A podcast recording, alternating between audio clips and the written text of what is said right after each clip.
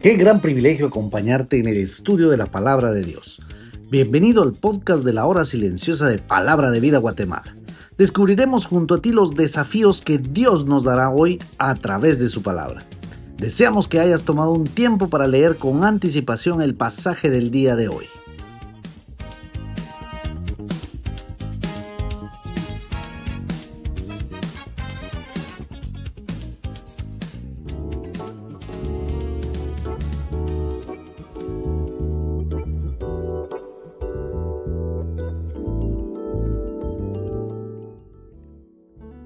Hola, ¿cómo estás? Yo soy Fernando Figueroa. Una vez más tengo el privilegio de comentar el pasaje de nuestra hora silenciosa para este día. Y bueno, entremos en materia. Parecía que los que trataban de acusar y desacreditar a Jesús no se daban por vencidos. Empezando la lectura de hoy nos encontramos con dos grupos que eran enemigos naturales pero que en esta ocasión habían unido fuerzas para ir en contra del Señor. Estos dos grupos eran los fariseos y los herodianos. Estos dos no se llevaban, pero tenían un objetivo en común. Ese objetivo era acabar con Jesús y con sus enseñanzas. Y es que mi querido amigo, el mundo no tiene ningún tipo de moral o de ética cuando trata de desacreditar el mensaje de la palabra. Estos dos grupos no compartían creencias incluso, pero estaban dispuestos a tolerarse con tal de conseguir su objetivo. Estos con palabras astutas tratan de halagar a Jesús diciéndole, Maestro, Sabemos que eres hombre veraz y que no te cuidas de nadie, porque no miras a la apariencia de los hombres, sino que con verdad enseñas el camino de Dios. Debemos tener cuidado con los halagos. Y no solo con los halagos en sí, sino más bien con la fuente de donde proviene el halago. No todo el que te habla bonito quiere verte el bien ya que podría tratarse de un enemigo que solo quiere halagarte, pero para herirte. O podría tratarse del halago de un amigo, pero ojo, debemos tener cuidado con todo tipo de halagos, ya que es un error el poner valor a lo que los demás dicen acerca de nosotros, sea bueno o sea malo. Hay peligro en poner el más valor del que debemos. Charles Spurgeon decía lo siguiente, aquellos que nos alaban están probablemente tan equivocados como aquellos que abusan de nosotros. Por eso es que el filtro de cualquier consejo no debe de ser la amistad, sino más bien la palabra de Dios.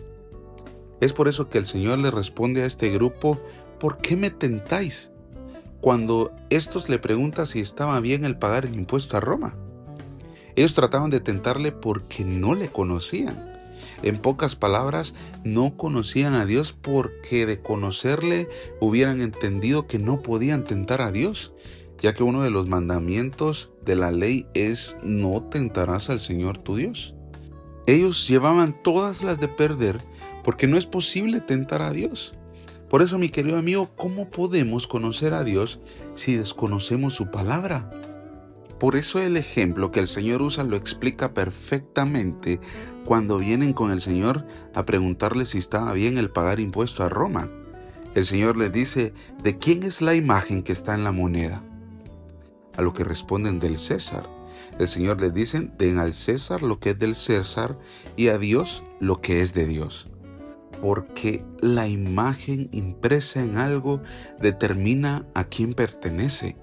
Y la imagen de Cristo en la vida del creyente es la que determina a quién pertenece su vida. ¿Es evidente la imagen de Cristo en tu vida? El último caso con el que tratan de tentar al Señor era un tema profundo, un tema muy bien pensado. Exponen el ejemplo de siete hermanos. El mayor muere sin dejar descendencia, por lo cual el siguiente de sus hermanos debía tomar por mujer a su esposa para darle descendencia. Pero el segundo también muere y así con los siete. La pregunta era, en la resurrección, ¿de quién será mujer? Primero, debemos identificar de qué grupo proviene la pregunta, y es del grupo de los saduceos, Y para empezar, ellos no creían en la resurrección. Es por eso que el Señor les responde, ¿no erráis por esto? ¿Por qué ignoráis las escrituras y el poder de Dios? Ya que cuando ignoramos las escrituras es cuando dudamos del poder de Dios. Les dice, ¿no habéis leído en el libro de Moisés cómo le habló Dios en la zarza diciendo, yo soy el Dios de Abraham, de Isaac y de Jacob? Dios no es Dios de muertos, sino Dios de vivos. Así que vosotros mucho erráis. En esta declaración estaba implícito el hecho de que hay vida después de que morimos en este mundo. Las escrituras se referían a Abraham, Isaac y Jacob en tiempo presente. No decía yo fui el Dios de Abraham, yo fui el Dios de Isaac y de Jacob, sino yo soy, afirmando el hecho de que hay vida eterna. Este grupo creía que solamente el Pentateuco era la verdad e ignoraban esta parte de las escrituras. Su creencia acerca de que no había vida después de la muerte prácticamente estaba fundamentada en la ignorancia de las escrituras. Ahora, con lo que hemos visto hasta hoy, ¿entiendes la urgencia de conocer la palabra de Dios? Porque desconocer la palabra es prácticamente desconocer a Dios mismo. Decir que conocemos a Dios sin leer las escrituras es tan ridículo como preguntarnos si Adán tenía ombligo. Simplemente la única manera de conocer a Dios es conociendo la Biblia. Jesús dijo, y conoceréis la verdad, y la verdad os hará libres. ¿Y cuál es la verdad? Sin duda es Jesucristo. Pero ¿cómo puedo conocer más a mi Señor? A través de las escrituras. ¿Es un desafío tener una relación con Dios por medio del estudio de su palabra? Sí. Puedes empezar con pequeños pasos, pero es necesario darlos. Empieza con la hora silenciosa, proponte un horario para hacerla y te darás cuenta cómo ese tiempo con Dios hace la diferencia en tu día. Y no solamente en tu día, sino también en tu vida. Que Dios te bendiga.